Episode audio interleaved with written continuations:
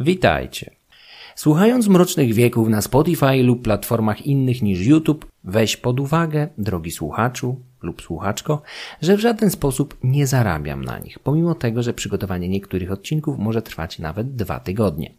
Jeżeli treści wyjątkowo przypadną Ci do gustu, możesz rozważyć stałe wsparcie tego kanału przez Patronite lub kupić autorowi jednorazową wirtualną kawę dzięki Buy Coffee.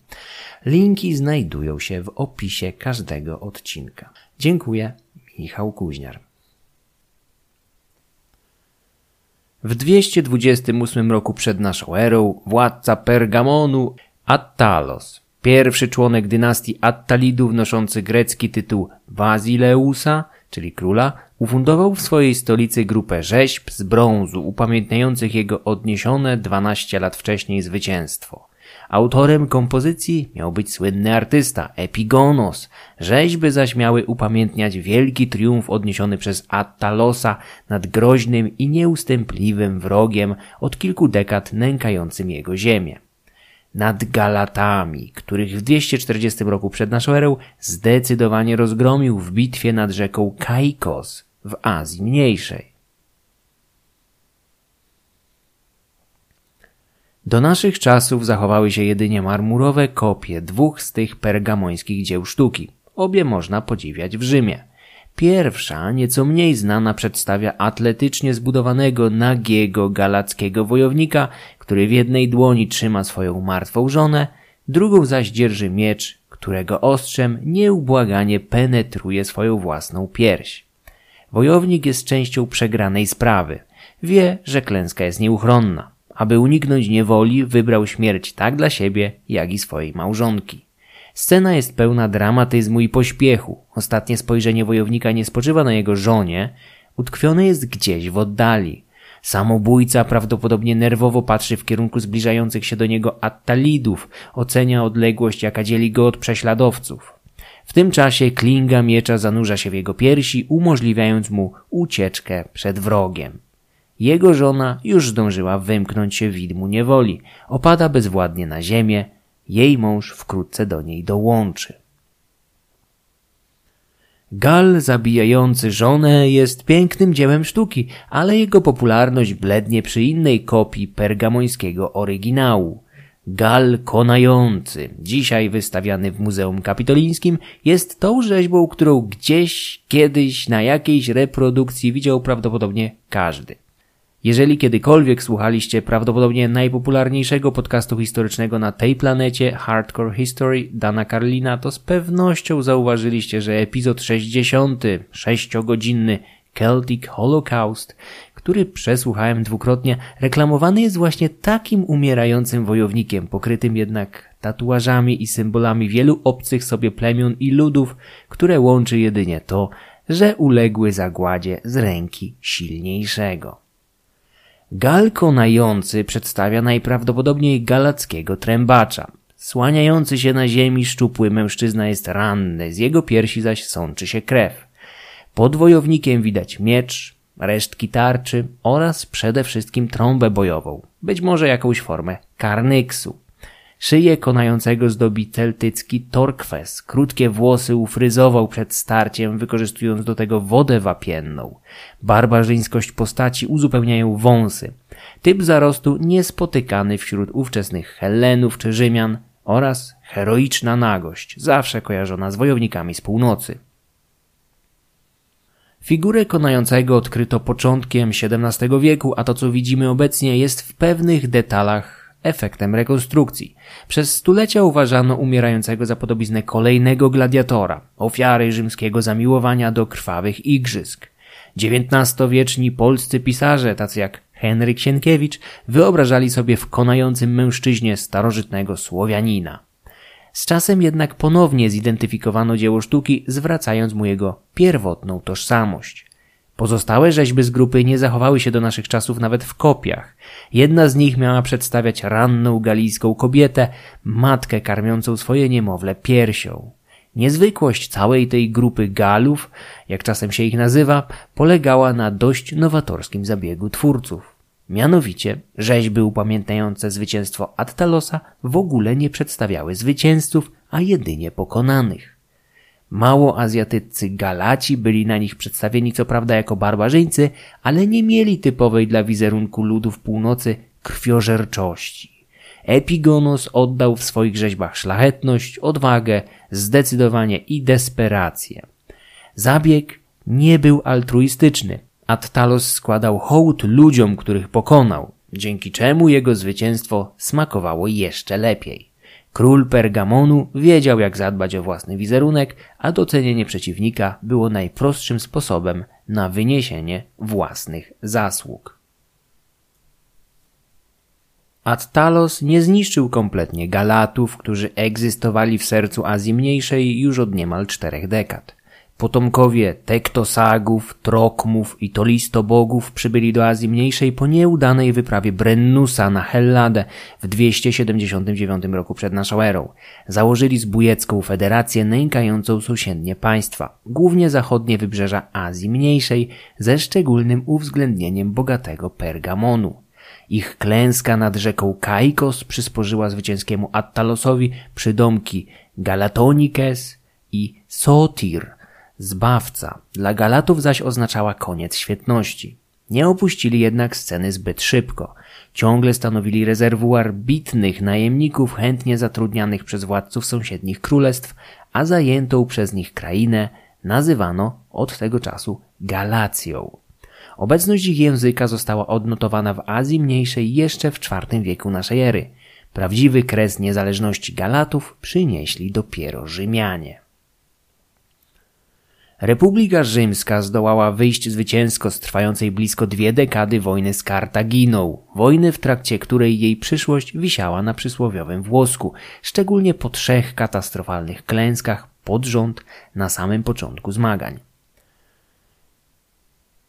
Rzymianie nie zadowolili się dominacją w zachodniej części basenu Morza Śródziemnego i tuż po upokorzeniu Kartagińczyków wmieszali się w sprawy Hellenów i Macedończyków, aby chwilę potem wylądować w Azji Mniejszej, gdzie złamali potęgę Seleucydów w konflikcie zwanym wojną syryjską. W 189 roku przed naszą erą Rzymianie wkroczyli do serca Azji Mniejszej pod pretekstem pacyfikacji miejscowych ludów i królestw wspierających wcześniej Seleucydów. Wojska prowadził konsul Gnejusz Manliusz Wulzo. To jeden z jego przodków dwa stulecia wcześniej strącił pierwszego Gala wdrapującego się na wały Kapitolu.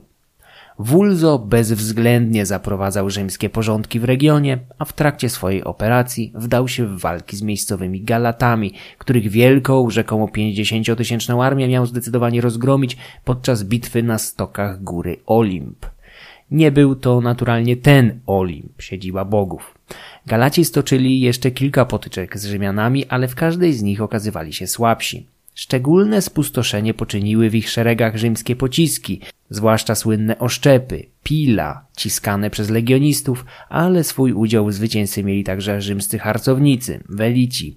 Galaci ustępowali Rzymianom przede wszystkim opancerzeniem. W bitwie na stokach Olimpu duża część z nich ruszyła do walki z gołymi piersiami, co naturalnie nie mogło skończyć się dobrze.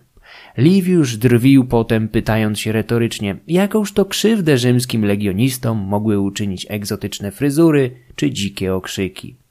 Nagość praktykowana przez niektórych z Galatów podczas walki pasowała do podobnych relacji Diodora Sycylijskiego i Polibiusza, chociaż tamci pisarze odnosili się do innych wojen z udziałem Celtów. Konsul Wulzo z pogardą określał Galatów jako zdegenerowanych Galogreków. Galaci faktycznie na przestrzeni dziewięciu dekad, jakie minęły od ich przybycia do Azji Mniejszej, zmieszali się w pewnym stopniu z lokalną ludnością, ale wciąż zachowywali swoje zwyczaje, kulturę i metody walki.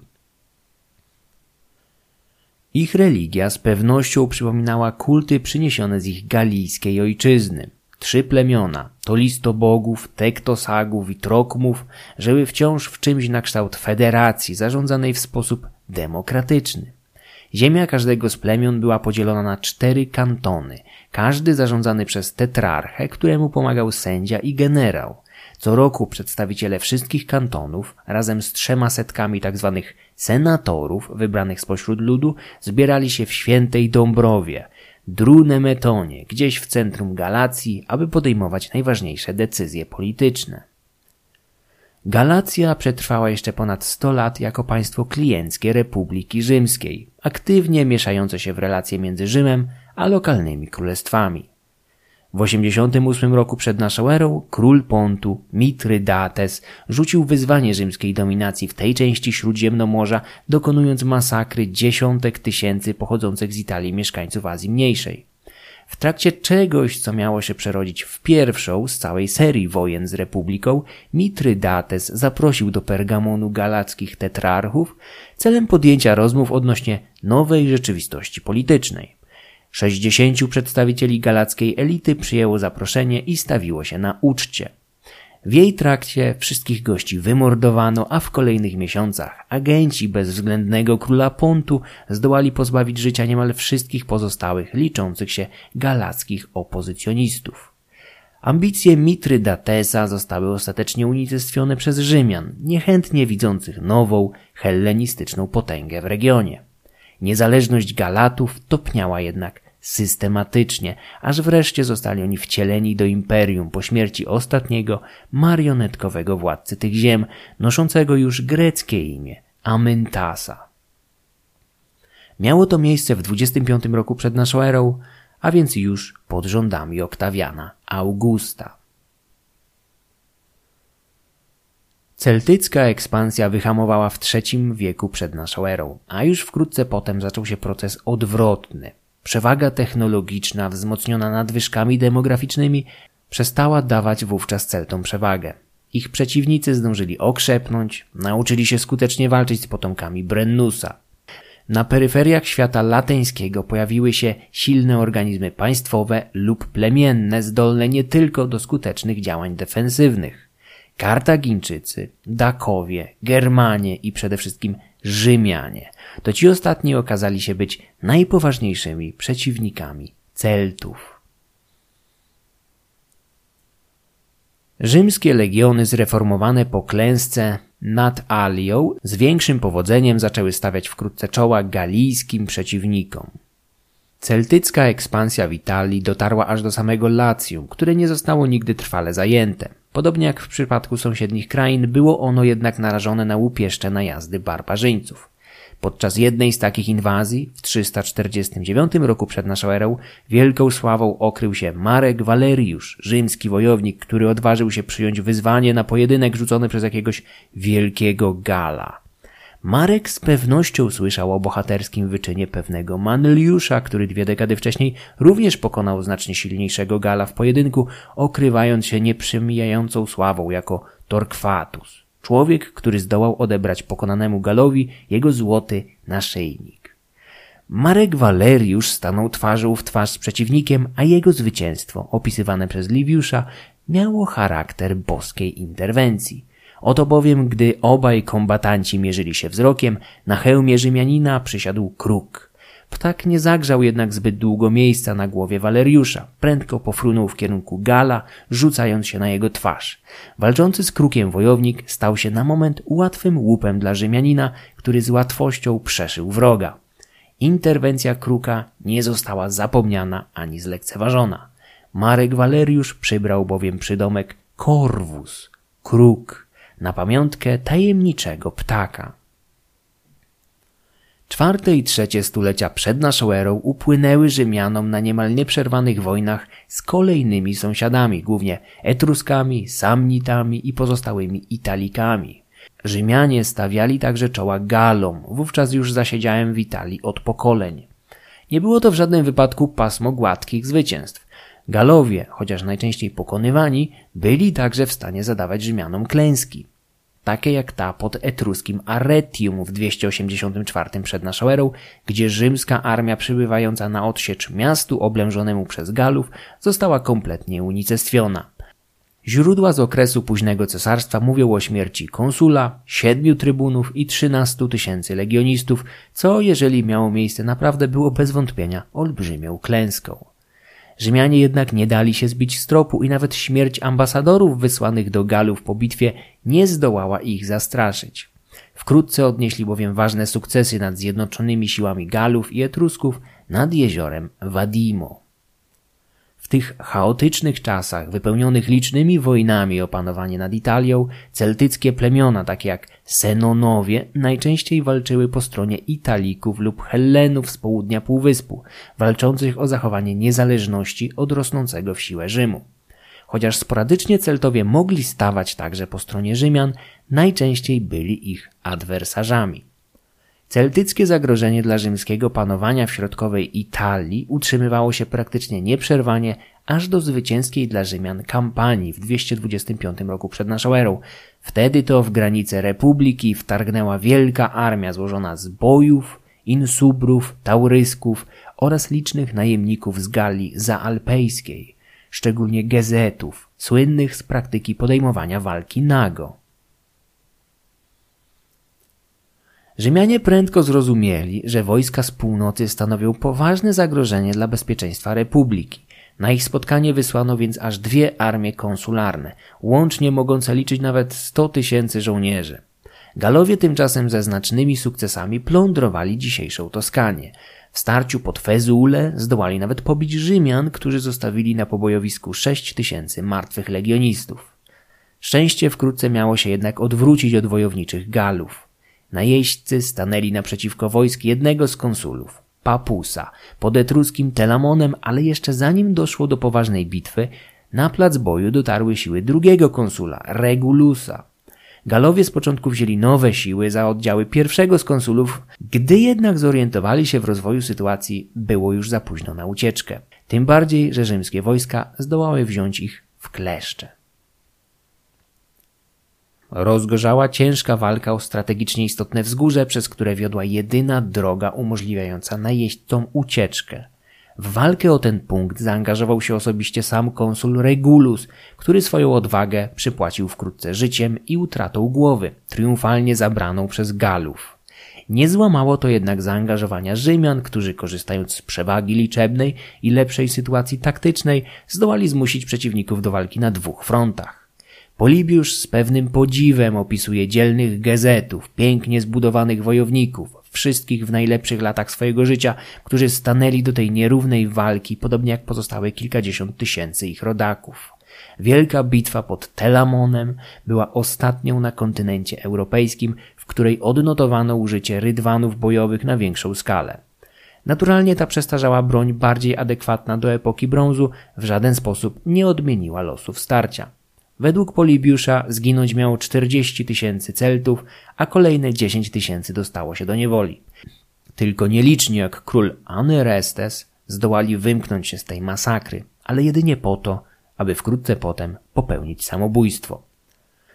Razem ze swoim królem życie odebrali sobie także członkowie jego najbliższej, zaufanej gwardii, dla której przeżycie władcy byłoby wyjątkową hańbą.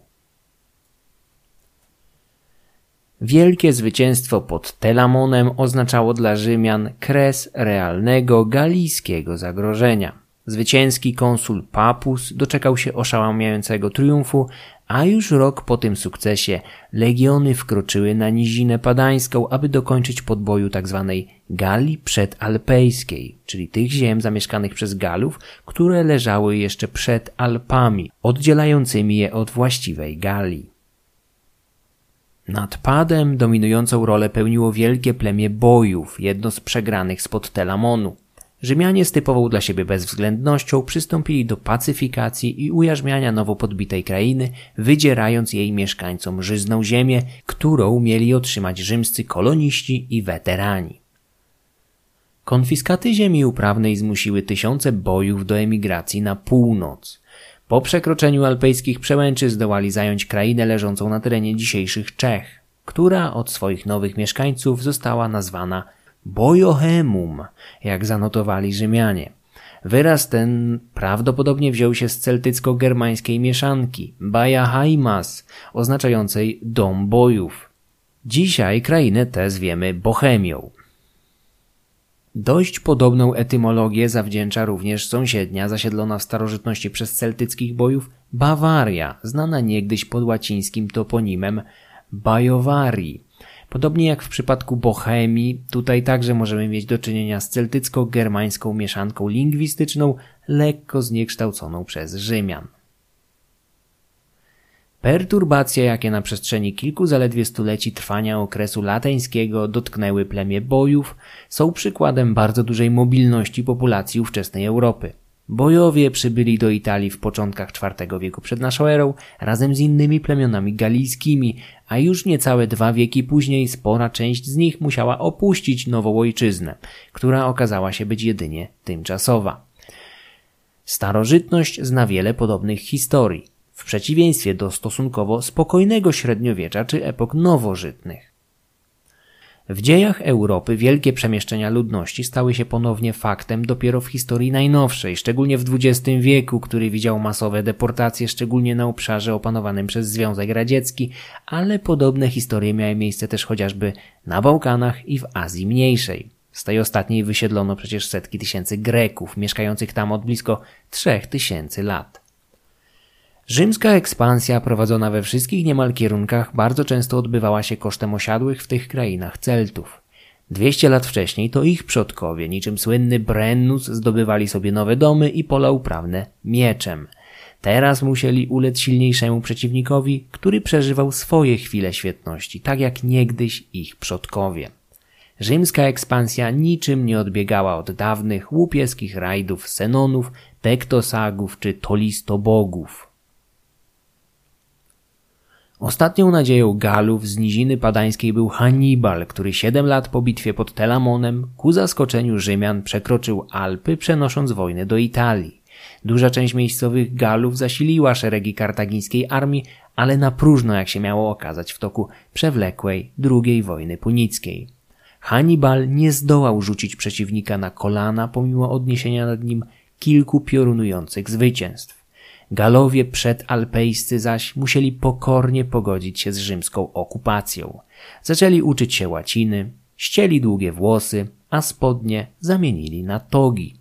Rzymianie nie poprzestali na podboju tej części Galii, ale zanim ruszyli do samego matecznika Galów, musieli uporać się z inną zdobyczą, która również postawiła ich w stanie wojny z Celtami. Pokonana w pierwszej wojnie punickiej Kartagina straciła na rzecz zwycięzcy śródziemnomorskie wyspy Sycylię, Sardynię i Korsykę. Kartagińczycy postanowili powetować sobie te straty na Półwyspie Iberyjskim, gdzie wodzowie z rodu Barkidów rozpoczęli intensywną ekspansję i uzależnianie miejscowych plemion iberyjskich i celtyberyjskich. Zwłaszcza te drugie, żyjące w zachodniej, północnej i środkowej części półwyspu są szczególnie interesujące z naszego punktu widzenia. Geneza Celtów na Półwyspie Iberyjskim stanowi jedną wielką zagadkę. Jeszcze do niedawna przyjmowano, że pojawili się na Półwyspie w efekcie wielkiej migracji przed 500 rokiem przed naszą erą, czyli zanim pierwszy z Hellenów napisał o nich cokolwiek. Niestety archeologia nie potwierdza jakichś istotniejszych transferów kulturalnych w tym czasie, kierujących się z Europy Centralnej do dzisiejszej Portugalii czy Hiszpanii. Z podobną dezaprobatą o takich pomysłach wypowiada się póki co genetyka. Zaś ze źródeł pisanych wiemy na pewno, że już u schyłku VI wieku przed naszą erą Celtowie byli stałym elementem populacji Półwyspu Iberyjskiego. W tym miejscu można powołać się na teorię systemu atlantyckiego wysuniętą m.in. przez Barry'ego Canlifa, który wyznacza miejsce celtyckiej genezy właśnie nad brzegami Atlantyku. Kwestia ta póki co jest nierozwiązana, ale dysponujemy mocnymi poszlakami, wśród których szczególnie istotna jest trwałość i podobieństwo kultury materialnej spotykanej od wybrzeży Portugalii aż po Wyspy Brytyjskie, od prehistorii aż po starożytność. Kilka dekad temu w Portugalii natrafiono na tabliczkę pochodzącą z VIII wieku przed naszą erą, zapisaną co prawda alfabetem punickim, ale kryjącą w sobie treści z innego języka. Część badaczy identyfikuje go jako jeden z dawnych kontynentalnych języków celtyckich. Gdyby okazało się to prawdą, musielibyśmy przyznać, że Celtowie egzystowali na Półwyspie już znacznie wcześniej, a bardzo możliwe, że tajemnicza cywilizacja znana jako Tartessos mogła mieć jakieś celtyckie korzenie. Tę hipotezę mocno wspiera m.in. wspomniany wcześniej Canliff.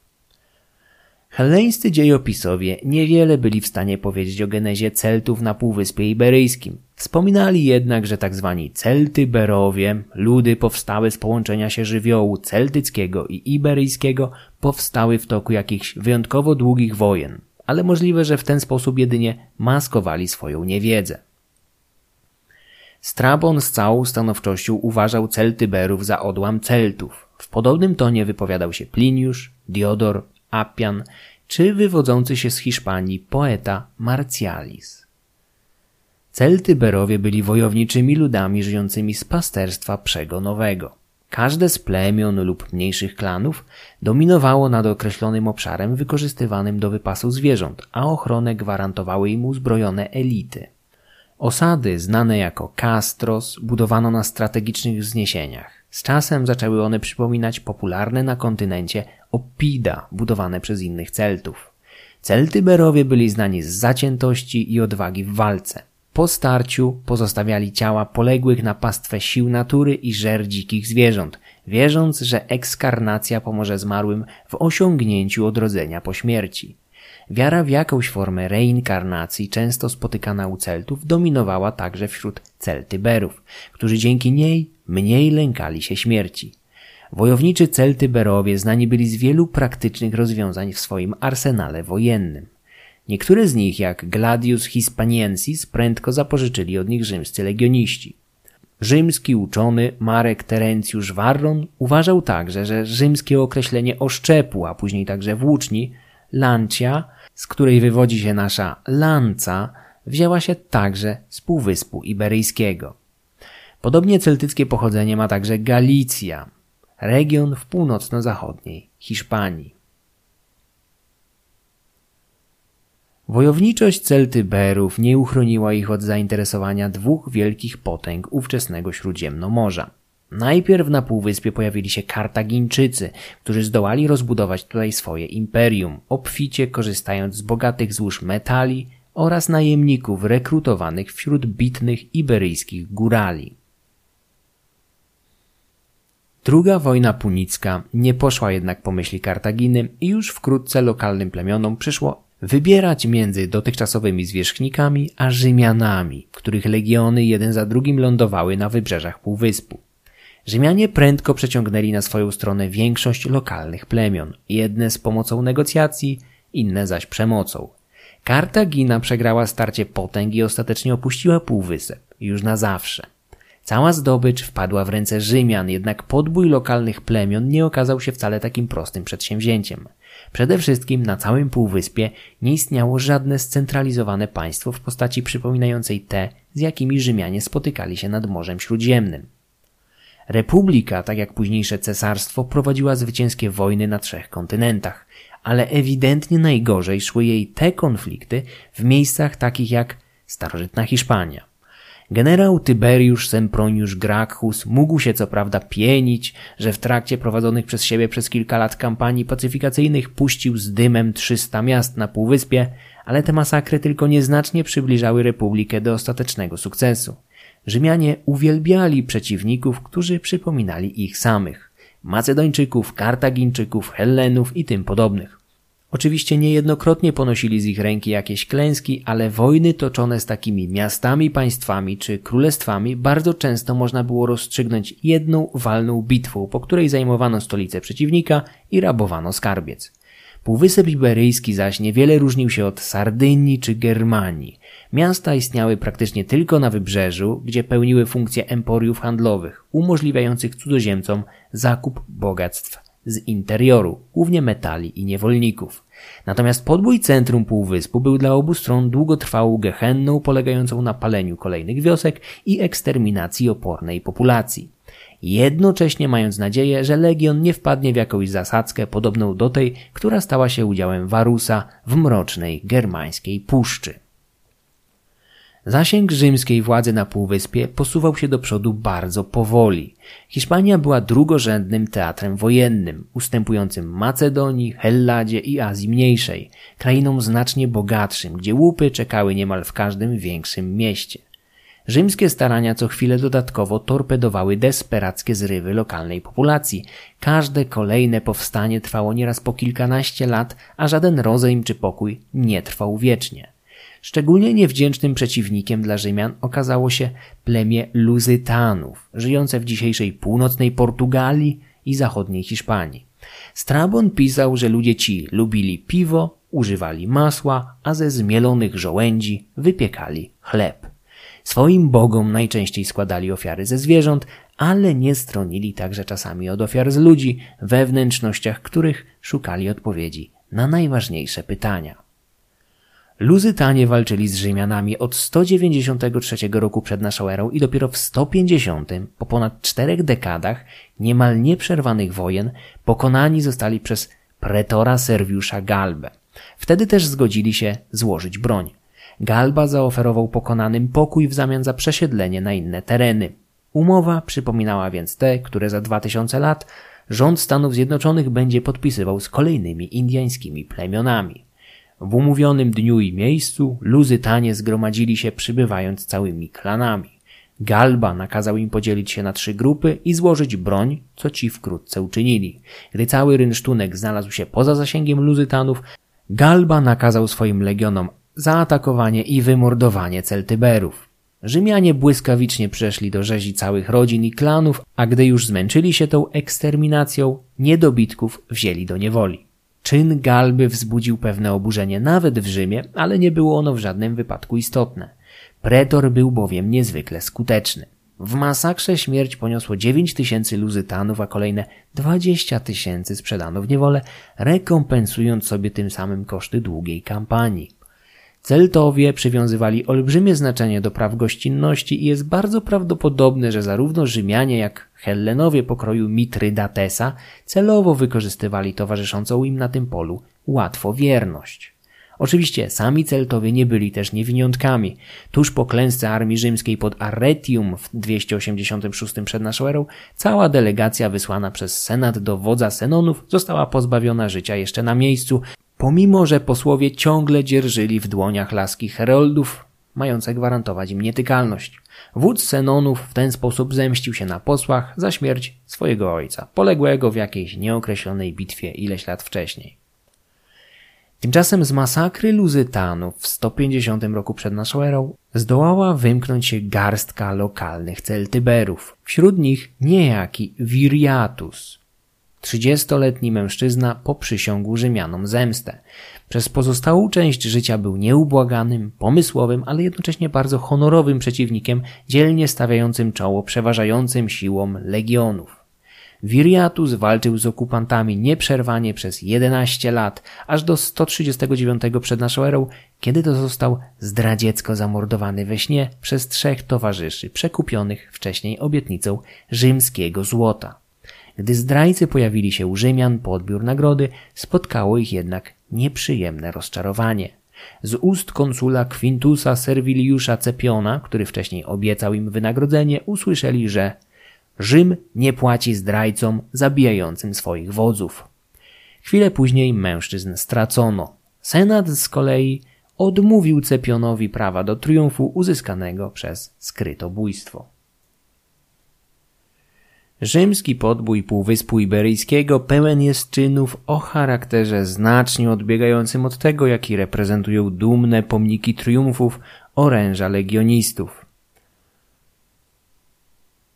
Szczególnym przykładem jest z pewnością los Numancji, znacznego opidum należącego do celtyberyjskiego plemienia Arewaków. Mieszkańcy Numancji wyjątkowo długo opierali się rzymskiemu orężu, a legiony potrzebowały aż 10 lat, aby z powodzeniem zakończyć tzw. Tak wojnę numantyńską, która wybuchła w 143 roku przed naszą erą. Po dekadzie trudnych walk, licznych upokorzeń i kilku poważnych klęskach, cierpliwość Rzymu dobiegła końca – Scypion Emilianus stanął pod murami Oppidum z trzydziestotysięczną armią, porównywalną do tych, jakie maszerowały przeciwko Macedonii czy Antiochowi Wielkiemu. Mieszkańcy i tak nie zamierzali się poddać. Scypion zarządził więc szczelne oblężenie mające na celu zdobycie Oppidum poprzez ich zagłodzenie. Po dziewięciu miesiącach jego plan wydał owoce. Opór Numantyjczyków został ostatecznie złamany. W ostatnich miesiącach oblężenia głodujący uciekali się do coraz powszechniejszych aktów kanibalizmu. W ludnym niegdyś mieście Scypion znalazł jedynie 50 osób wartych poprowadzenia w triumfie. Pozostałych sprzedał handlarzom niewolników. Rzymska ekspansja na Półwyspie Iberyjskim rozciągnie się na dwa stulecia, dobiegając kresu dopiero pod rządami Oktawiana. Ten wielki wysiłek przyniesie jednak wymierne korzyści – Rzymska Hiszpania okaże się spokojną prowincją, stroniącą od buntów, za to gwarantującą olbrzymie wpływy do budżetu pochodzące szczególnie z bogatych kopalni srebra. Niektóre z nich zostaną odkryte dopiero pod rządami pierwszego cesarza. Przez kilka stuleci Hiszpania będzie dla Rzymian prowincją przynoszącą duże wpływy do budżetu, wymagającą stacjonowania niewielkiego garnizonu, a do tego gwarantującą dodatkową głębię strategiczną. W końcu, po podboju Galii, Półwysep Iberyjski nie graniczył już z żadnym ludem czy państwem nie wchodzącym w skład imperium. Nowe rzymskie prowincje na Półwyspie Iberyjskim były zaopatrywane przez italską macierz głównie drogą morską. Rzymianie z czasem jednak zaczęli się starać o połączenie iberyjskich nabytków z Italią za pomocą drogi lądowej, pozostającej pod ich stałą kontrolą. W drugiej połowie II wieku przed naszą erą Rzymianie rozpoczęli starania o nadmorski pas w południowej Galii, znany jako Galia Zaalpejska. Dużą część wybrzeża skolonizowali wcześniej Hellenowie, wśród których szczególne znaczenie miała Massalia, ważny port założony przez małoazjatyckich kolonistów z Fokai. Grecy prędko porozumieli się z Rzymianami, oferując im pomoc w zdobyciu dla Republiki wąskiego pasa ziemi umożliwiającego poprowadzenie drogi z Italii do Hiszpanii. W zamian legiony miały strzec massalskich kupców przed północnymi plemionami galijskich Arwernów i Allobrogów. Kupcy z Massali nie widzieli większego problemu w staniu się rzymskimi klientami. Byli zainteresowani przede wszystkim prosperitą i obrotami na rachunku bieżącym, a konflikt z agresywną republiką z pewnością nie pomógłby im w utrzymaniu wysokiego standardu życia. Rzymianie nie zaspokoili się wąskim pasem wybrzeża. Zaczęli przeć na północ, aby zabezpieczyć sobie całą południową Galię, która z czasem stała się ich pierwszą prowincją na północ od Alp, uzyskując tytuł Prowincia Nostra. Nasza prowincja. Dzięki temu region ten do dzisiaj określamy jako Prowancję. Rzymska ekspansja w Prowansji postawiła legiony w stanie konfliktu z północnymi potęgami Arwernów i Allobrogów oraz lokalnymi plemionami takimi jak Tektosagowie, których rodacy 150 lat wcześniej dotarli aż do Azji Mniejszej, gdzie ich potomkowie, znani jako Galaci, byli wówczas klientami Rzymian. Między 125 a 121 rokiem przed naszą erą legiony prowadziły systematyczny podbój dzisiejszej południowej Francji, tworząc pierwszy rzymski przyczółek w Galii Zaalpejskiej. Konflikty z długowłosymi sąsiadami z północy, preferującymi spodnie nad togi, nie skończyły się jednak wraz z utworzeniem nowej prowincji. W kolejnych dekadach co jakiś czas dochodziło do dalszych eskalacji, a rzymska strefa wpływów była systematycznie powiększana. W 106 roku przed naszą erą konsul i namiestnik Galii Narbońskiej Quintus Servilius Cepion zdusił rebelię miejscowych tektosagów, łupiąc przy okazji ogromne bogactwa nagromadzone przez wieki w ich świątyni w Tolosie, Oppidum znanym dzisiaj jako Tuluza. Podczas łupienia Tolosy Cepion nakazał także osuszyć lokalny staw, którym zgodnie z opowieściami Galowie mieli niegdyś ukryć olbrzymie skarby zrabowane przez Tektosagów w poprzednim stuleciu podczas najazdu na Helladę, a szczególnie sanktuarium w Delfach. Po osuszeniu zbiornika wodnego Rzymianie faktycznie znaleźli nietknięte skarby, które Cepion skrupulatnie zrabował. To czy faktycznie pochodziły one aż z Hellady i Delf jest oczywiście kwestią bardzo spekulacyjną. W końcu wszystkie źródła historyczne mówią wyraźnie, że Celtowie zostali spod Delf odparci. Jednak przewiezienie złupionych na drugim końcu Europy skarbów w darze dla ojczystych bogów nie jest wcale pomysłem tak pozbawionym sensu. Jeszcze Cezar notował, że Galowie przywiązywali olbrzymią wagę do obdarzania swoich bogów skarbami i rynsztunkiem zdobytym na wrogach, a przypadki rabowania takich wotów czy ukrywania łupów przed bogami należały do rzadkości. Quintus Servilius Cepion nie mógł jednak zbyt długo nacieszyć się skarbami wyłowionymi w świętym stawie tektosagów. Być może nieszczęście, jakie wkrótce spadło na jego głowę, było zemstą galijskich bogów oburzonych świętokradztwem? Tego nie wiemy. Gdy Cepion pacyfikował niesfornych tektosagów, w północnej Galii już panowała wielka zawierucha wywołana przez nieproszonych gości ze wschodu. Cymbrów i Teutonów, chociaż dzisiaj wiemy, że te dwa plemiona nie były jedynymi wchodzącymi w skład wielkiej hordy, jaka spadła na głowy Galów i Rzymian w dwóch ostatnich dekadach drugiego stulecia przed naszą erą. Geneza epopei Cymbrów i Teutonów spowita jest mgłami porównywalnymi do tych, w jakich tonął legendarny Avalon – Cymbrowie byli najprawdopodobniej plemieniem germańskim zamieszkującym tereny dzisiejszej Jutlandii, utożsamianym z tak zwaną kulturą jastorwską. Teutoni z kolei mieli swoje siedziby nieco na południe, gdzieś w północnych lub środkowych Niemczech. Zazwyczaj przyjmuje się, że również oni byli ludem germańskim, ale nie odbywa się to bez pewnego ale. Mianowicie sam etnonim Teutoni wywodzić się miał z celtyckiego teuta albo teuto, oznaczającego po prostu lud, plemię. Oczywiście podobne słowo mogło już istnieć w języku praindoeuropejskim, z którego z czasem wyłoniły się zarówno języki Celtów jak Germanów. Pewne podobieństwo jest więc możliwe. Spór o pochodzenie Teutonów jest póki co bezowocny. Plemię to przed podjęciem wielkiej wędrówki mieszkało gdzieś na krawędzi między żywiołami celtyckimi i germańskimi, więc obie wersje są prawdopodobne. Poza tym dawne barbarzyńskie ludy były często federacjami powstałymi z połączenia garści sąsiednich plemion, które nie musiały wcale mówić tym samym językiem czy wyznawać identycznych bóstw. Pojęcie państwa narodowego w naszym rozumieniu dla większości starożytnych ludów było zupełną abstrakcją. Około 120 roku przed naszą erą Cymbrowie, dotknięci zapewne postępującym z roku na rok ochłodzeniem klimatu, a co za tym idzie mniejszymi zbiorami, postanowili wyruszyć na południe w poszukiwaniu urodzajnych ziem i lepszych perspektyw. Podobne motywacje najczęściej stały za ekspansją i przemieszczeniami podobnych im ludów. Pięć dekad później Cezar z dużą szczegółowością opisze wędrówkę Helwetów podjętą z takich samych przyczyn. Data wymarszu Cymbrów, do których wkrótce potem dołączyli Teutoni, jest zupełnie umowna. Tak naprawdę pierwszą pewną datą, pod którą spotykamy oba plemiona, jest dopiero rok 113 przed naszą erą. Wtedy barbarzyńcy po wkroczeniu do alpejskiego królestwa Noricum wchodzą w zasięg wzroku Rzymian. Nie wiemy jak przebiegała trasa marszu Cymbrów i Teutonów. Na przestrzeni ostatnich stuleci wysuwano różne hipotezy. Najczęściej sugerowano, że mieli maszerować wzdłuż Łaby lub Odry, chociaż ostatnio coraz częściej pojawia się hipoteza, jakoby szli między Odrą a Wisłą. Mają o tym świadczyć nie tylko odkrycia archeologiczne, ale również ślady po wielkim ubytku populacji na tym terenie, właśnie końcem drugiego stulecia przed naszą erą, o czym wspominają autorzy czwartego tomu The Past Societies, pięciotomowej historii ziem polskich od paleolitu aż do przybycia Słowian, zawierającej stan wiedzy aktualny na rok wydania, czyli 2016. Depopulacja ziem między Odrą a Wisłą mogła wziąć się z dwóch przyczyn.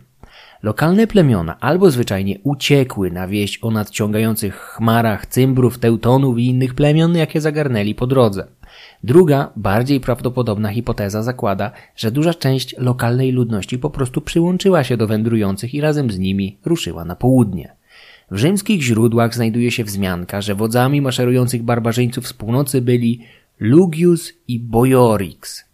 Naturalnie trudno nie połączyć enigmatycznego Lugiusa z Lugiami, ludem zamieszkującym tereny dzisiejszej Polski w ostatnich stuleciach przed naszą erą. Z kolei Bojorix to nie kto inny, a król bojów, celtyckiego plemienia, którego przedstawiciele wyparci przez Rzymian z północnej Italii osiedli na terenie nazwanych później od nich samych regionów, znanych jako Bohemia i Bawaria. Germańscy cymbrowie rozpoczęli wielką wędrówkę ludów, która po drodze zagarniała kolejne plemiona, które dzisiaj identyfikujemy najczęściej jako germańskie lub celtyckie. Depopulacja między Odrą a Wisłą była także początkiem końca dominacji Celtów na ziemiach dawnej Polski. Duża część ich populacji odeszła zapewne na południe. Jednocześnie, jak zauważają autorzy The Past Societies, mniej więcej po tym epizodzie typowo celtyckie zwyczaje pogrzebowe związane z niszczeniem rynsztunku, szczególnie w postaci wyginania mieczy, zaczynają się rozprzestrzeniać wśród żyjących na wschodzie plemion germańskich. szczególnie należących do tzw. Tak kultury przeworskiej, której wojownicy zapewne również wzięli udział w wielkiej wyprawie, a część z nich mogła następnie po jakimś czasie wrócić do swoich domów. Wśród ludów germańskich z czasem rozprzestrzeniają się także celtyckie ostrogi czy umbatarcz, zapożyczenia będące być może efektem wspólnego uczestnictwa w wielkim eksodusie na południe. Powyższe hipotezy nie są zresztą niczym niezwykłym. Proceder tzw. Tak latenizacji Germanów, ulegającym przez setki lat wyższej kulturze celtyckich sąsiadów, jest faktem powszechnie akceptowanym. Celtowie jako pierwsi przynieśli na ziemię na północ od Karpat m.in. koło garncarskie. Ich kolonizacja była motywowana głównie chęcią zdobycia dostępu do ziem uprawnych i kopalin, szczególnie soli. Celtowie byli najprawdopodobniej tymi, którzy reaktywowali wymianę handlową na tzw. Tak szlaku bursztynowym, zakłóconą wcześniej przez najazdy Scytów. W III i II wieku przed naszą erą wyraźnie wzrasta wymiana między plemionami celtyckimi i germańskimi, a wspomnianym szlakiem na południe płynie bursztyn i niewolnicy. Spekuluje się, że część imion niewolników wymienianych jako członkowie powstania Spartakusa w I wieku przed naszą erą mogła mieć rodowód germański. Bardzo możliwe więc, że przybyli do Italii z północy szlakiem bursztynowym przy istotnym pośrednictwie Celtów. Sami zaś Celtowie, żyjący na północ od Karpat, utrzymywali bardzo ożywione kontakty ze światem śródziemnomorskim, szczególnie w roli najemników. Zdają się to potwierdzać liczne monety, także hellenistyczne odkryte w Nowej Cerekwi na terenie Kotliny Kłodzkiej oraz na terenie Czech. Monety Filipa II Macedońskiego, Hierona II z Syrakus czy sycylijskich Mamertynów nie mogły dostać się do Nowej Cerekwi poprzez wymianę handlową, która zdaniem autorów The Past Societies niemal nigdy nie przybierała charakteru długodystansowych karawan. Handel w tych odległych czasach ograniczał się raczej do najbliższego, ważnego punktu, z którego kolejni, lokalni kupcy zabierali towary dalej. Wyprawy takie jak słynna ekspedycja rzymskiego ekwity wysłanego przez Nerona po bałtycki bursztyn były rzadkością. Stąd śródziemnomorskie monety z Hellady i południowej Italii, odkrywane w Karpatach, musiały przywędrować tam w bagażach najemników powracających do ojczyzny po latach wojaczki na południu Europy. Najazd Cymbrów i Teutonów, domyślnie traktowany jako inwazja germańska, był najprawdopodobniej wspólnym przedsięwzięciem tak Celtów jak Germanów. Możliwe, że komponent germański był liczniejszy lub w jakimś stopniu dominujący. Dla Rzymian wszystkie ludy, z jakimi spotkali się podczas tej inwazji, były na tyle obce, że oczywiście uznano ich zbiorczo za tajemniczych Germanów, z którymi wcześniej Rzymianie nie mieli praktycznie wcale do czynienia. W 113 roku przed naszą erą hordy z północy wkraczają do celtyckiego królestwa Noricum, będącego klientem Rzymu. Legiony niezwłocznie ruszają na północ, aby spacyfikować najeźdźców i przywrócić spokój na szlakach handlowych. W końcu bezpieczeństwo Noricum, zapewniającego Italii dostawy wyrobów ze słynnej stali noryckiej, leży w interesie Rzymu. Nie była to pierwsza ani ostatnia tego typu interwencja legionów w tym regionie. Rzymianie regularnie podejmowali podobne akcje o charakterze policyjnym, zawsze gdy pojawiało się zagrożenie dla ważnych dla nich szlaków handlowych, tak jak dzisiaj robią to choćby Stany Zjednoczone. Bezwzględność Cezara wobec Helwetów pięć dekad później nie brała się tylko i wyłącznie z jego wybujałych ambicji. Po prostu wpuszczenie setek tysięcy uzbrojonych uchodźców do strefy wpływów Rzymu w której działali italscy kupcy, skończyłoby się niepowetowanymi stratami ekonomicznymi. Z tego powodu dwa legiony wkroczyły do Noricum w 113 roku przed naszą erą, ale zostały szybko rozbite przez intruzów z północy. W tym samym roku toczono walki z lokalnymi plemionami bojów, którzy mieli sobie z najeźdźcami poradzić, ale obecność bojoriksa w późniejszych etapach inwazji może świadczyć, że przynajmniej część z bojów przyłączyła się do najeźdźców. Nasza wiedza o inwazji urywa się za każdym razem, gdy Cymbrowie i Teutoni odrywają się od bezpośredniego sąsiedztwa Rzymian, jedynych w tej części Europy, którzy uprawiali jakieś dziejopisarstwo. Stąd historia wielkiej wędrówki, trwającej zapewne niemal dwie dekady, w dużej mierze opiera się na przypuszczeniach i dedukcji. Najeźdźcy są niczym przestępca, który zręcznie ukrywa się przed śledczymi, jedynie co jakiś czas pozostawiając ślady swojego istnienia, najczęściej poprzez wejście w kolizję z prawem. Podobnie było z Cymbrami i Teutonami, którzy wzmocnieni kolejnymi plemionami germańskich Ambronów i celtyckich Helwetów wkrótce wkroczyli do Galii, którą niemiłosiernie złupili. Pięć dekad później, podczas rzymskiego oblężenia Alezji, jeden z galijskich wodzów, sojusznik Wercyngetoryxa imieniem Corygnatus, miał przekonywać swoich współtowarzyszy, aby bronili się przed Rzymianami Cezara tak, jak ich dziadowie przed tymi obcymi z Zarenu, którzy przybyli z Cymbrami i Teutonami. Według Korygnatusa podczas tej inwazji Galowie nie byli w stanie sprostać przybyszom w polu, więc zamykali się w swoich opidach, sporadycznie uciekając się nawet do kanibalizmu, gdy tylko w oczy zaglądała im śmierć głodowa. Relacja Cezara może być stronnicza, ale jeżeli zawiera w sobie prawdę, to jest pewnym potwierdzeniem uczucia obcości, jaką najeźdźcy z Zarenu wzbudzali wśród Galów. Nawet jeżeli z cymbrami maszerowali jacyś Helweci czy bojowie, to w przedsięwzięciu uczestniczyły także ludy obce Galom, więc oczywiście te nieliczne głosy, idące kompletnie na przekór najpopularniejszej narracji, sugerującej, że cymbrowie i teutoni byli wyłącznie Celtami, są po prostu oderwane od rzeczywistości. Rzymianie błyskawicznie poderwali legiony, wysyłając przeciwko najeźdźcom wielką armię. Porównywalną z tą, jaka sto lat wcześniej stawiła czoło Hannibalowi pod Kannami. Dwaj konsulowie prowadzący dwie armie w sile być może nawet 80 lub 100 tysięcy ludzi w październiku 105 roku przed naszą erą zagrodzili drogę Cymbrom i Teutonom pod Arauzio, dzisiaj znanym jako Orange w Prowansji. Wojska rzymskie zgromadzone pod Arauzio nie tylko ilością przypominały te walczące kilka pokoleń wcześniej pod Kannami. Podobny był również ich los. Dwaj wodzowie pochodzący z różnych klas społecznych i szczerze się nienawidzący nie byli w stanie nawiązać między sobą nie tylko skutecznej współpracy, co jakiegokolwiek współdziałania. Bitwa pod Arauzio prędko zmieniła się w masakrę. Germanie najpierw rozgromili armię pierwszego konsula, a następnie drugiego. Najbardziej dramatyczne relacje starożytnych mówiły o kompletnej zagładzie wszystkich legionów. Liviusz, opierając się na wcześniejszym autorze, pisał, że w starciu zginęło 80 tysięcy legionistów i kolejne 40 tysięcy sług, niewolników i auksiliów. Liczba zapewne mocno przesadzona, ale nie zmienia to faktu, że bitwa pod Arauzio była katastrofą porównywalną z zagładą armii dwóch konsulów, Paulusa i Varrona pod Kannami. Konsul Cepion ten sam, który jeszcze rok wcześniej rabował skarby galijskich bogów z Tolosy, został w wyniku dochodzenia przed senatem obciążony winą za klęskę i skazany na wygnanie. Rzymianie nigdy więcej nie powierzali armii dwóm dowódcom, przeczuwając, że prywatne urazy czy spory w kwestii kompetencji mogą ponownie doprowadzić do katastrofy, jaka miała miejsce pod Arauzio. Pomimo olbrzymiej skali, bitwa ta jest praktycznie nieobecna w kulturze masowej, w której dominują rzymskie klęski pod wspomnianymi Kannami, Adrianopolem czy Carre.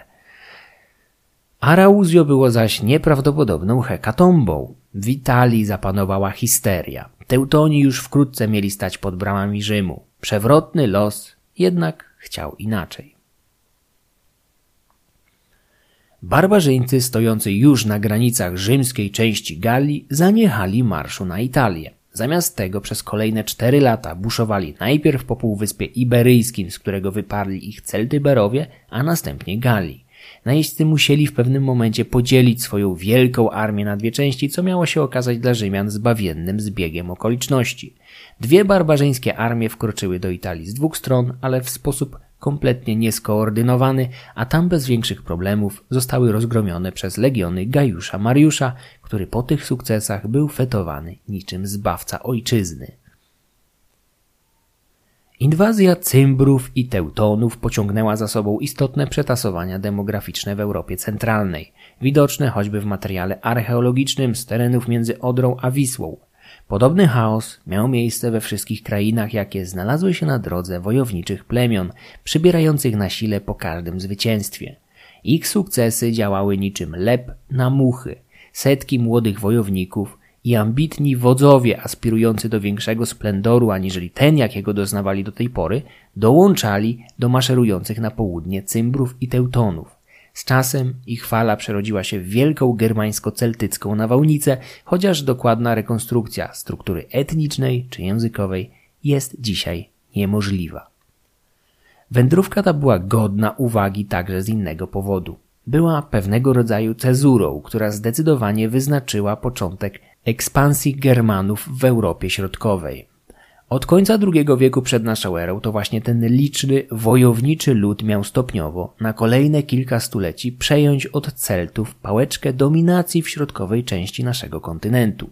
Zmiana ta nie musiała zawsze odbywać się za pośrednictwem przemocy. Niejednokrotnie różne plemiona, tak germańskie jak celtyckie, mogły dobrowolnie łączyć się w większe federacje. Być może w ten sposób powstali zresztą Teutonowie. W sytuacjach, gdy nie dochodziło do konsensusu, w grę wchodził podbój. Krótko po rajdzie Cymbrów i Teutonów inne plemię germańskich Swebów wypchnie na południe celtyckich Helwetów, którzy zostaną na kilka dekad zepchnięci do niezbyt urodzajnych alpejskich dolin, które zresztą prędko będą starali się opuścić kosztem sąsiadów. Swebowie nie zadowolą się sukcesami po wschodniej stronie Renu i wkrótce wtargną do samej Galii, wykorzystując konflikty tutejszych plemion. Na terenie geograficznej krainy opisywanej przez Tacyta jako Germania Magna, Wielka Germania, rozciągającej się od Renu do Wisły i od Morza Północnego do Alp, odrębna celtycka kultura przetrwała co najwyżej do I wieku naszej ery. Celtowie stopniowo rozpłynęli się w żywiole germańskim. Celtowie nie będą mieli także spokoju na Bałkanach, będących wówczas wschodnimi peryferiami świata lateńskiego. W latach 81 wieku przed naszą erą dacki król Burebista zdołał zjednoczyć niezależne do tej pory plemiona swoich rodaków, uzależniając także niektóre z sąsiednich plemion celtyckich. Gwałtowna ekspansja Daków zaalarmowała Rzymian. Sam Cezar tuż po zwycięstwie w wojnie domowej poczynił energiczne przygotowania do kampanii przeciwko Burebiście, ale sztylety zamachowców uniemożliwiły mu realizację tych ambitnych zamierzeń. Sam król Daków zresztą zginął w ten sam sposób w tym samym roku co Cezar. Królestwo Daków rozpadło się i do czasów Decebala, niemal dwa stulecia później, nie znalazło godnego następcy dla Burebisty. Pomimo tego agonia bałkańskich Celtów trwała dalej, a przyspieszyło ją nadejście końcem I wieku przed naszą erą kolejnego ludu ze wschodu irańskich nomadów, sarmatów. W ciągu następnego stulecia Celtowie przestali istnieć jako odrębny lud w tej części Europy. Pierwszy wiek przed naszą erą w Europie stał się świadkiem stopniowego zaniku celtyckiej kultury lateńskiej, stopniowo naciskanej od południa przez Rzymian, od wschodu przez Daków, a od północy przez Germanów. Celtów najczęściej kojarzy się z przeciwnikami cezariańskich legionistów podczas wojny galijskiej, jednak Galia była jedynie jednym z zamieszkanych przez nich obszarów. Genezy zarówno kultury halsztackiej, jak późniejszej lateńskiej miały miejsce w pasie ciągnącym się z grubsza od Francji do dzisiejszych Czech. To tutaj powstawały największe celtyckie oppida, takie jak to w niemieckim Mansching, liczące 400 hektarów powierzchni, czy jeszcze większe 650-hektarowe oppidum w Kelheim. W porównaniu do nich największe oppidum Galii, Bibracte ze swoimi 135 hektarami wcale nie było tak rozległe. Alezja zaś, ostatnie schronienie Vercingetoryksa, liczyła nie więcej niż 97 hektarów. Pomimo tego zmierzch Celtów w środkowej Europie wypada niezmiernie blado na tle późniejszych zmagań Galów z Cezarem, głównie ze względu na fakt, że po dziś dzień dysponujemy szczegółowym raportem z tego konfliktu napisanym przez naocznego świadka. Cezar zachował dla nas zapewne mocno stronniczy obraz tego dramatycznego konfliktu, widzianego jego oczami. Dzięki jego skrupulatności i zamiłowaniu do tworzenia pamiętników możemy w pewnym stopniu doświadczyć dramatyzmu tej ostatniej wielkiej wojny kontynentalnych Celtów. Ale to już zupełnie inna historia. Treść przygotował i przeczytał Michał Kuźniar. Jeżeli spodobał się Wam ten odcinek, możecie rozważyć dobrowolne wsparcie podcastu Mroczne Wieki cyklicznie poprzez Patronite lub jednorazowo w postaci wirtualnej kawy na Buy Coffee. Linki znajdują się w opisie odcinka. Serdecznie dziękuję wszystkim patronom, a szczególnie Rafałowi Krzysztofowi, Maksymilianowi, Wilhelmowi, Jarosławowi, dwóm Tomaszom i obu Oskarom.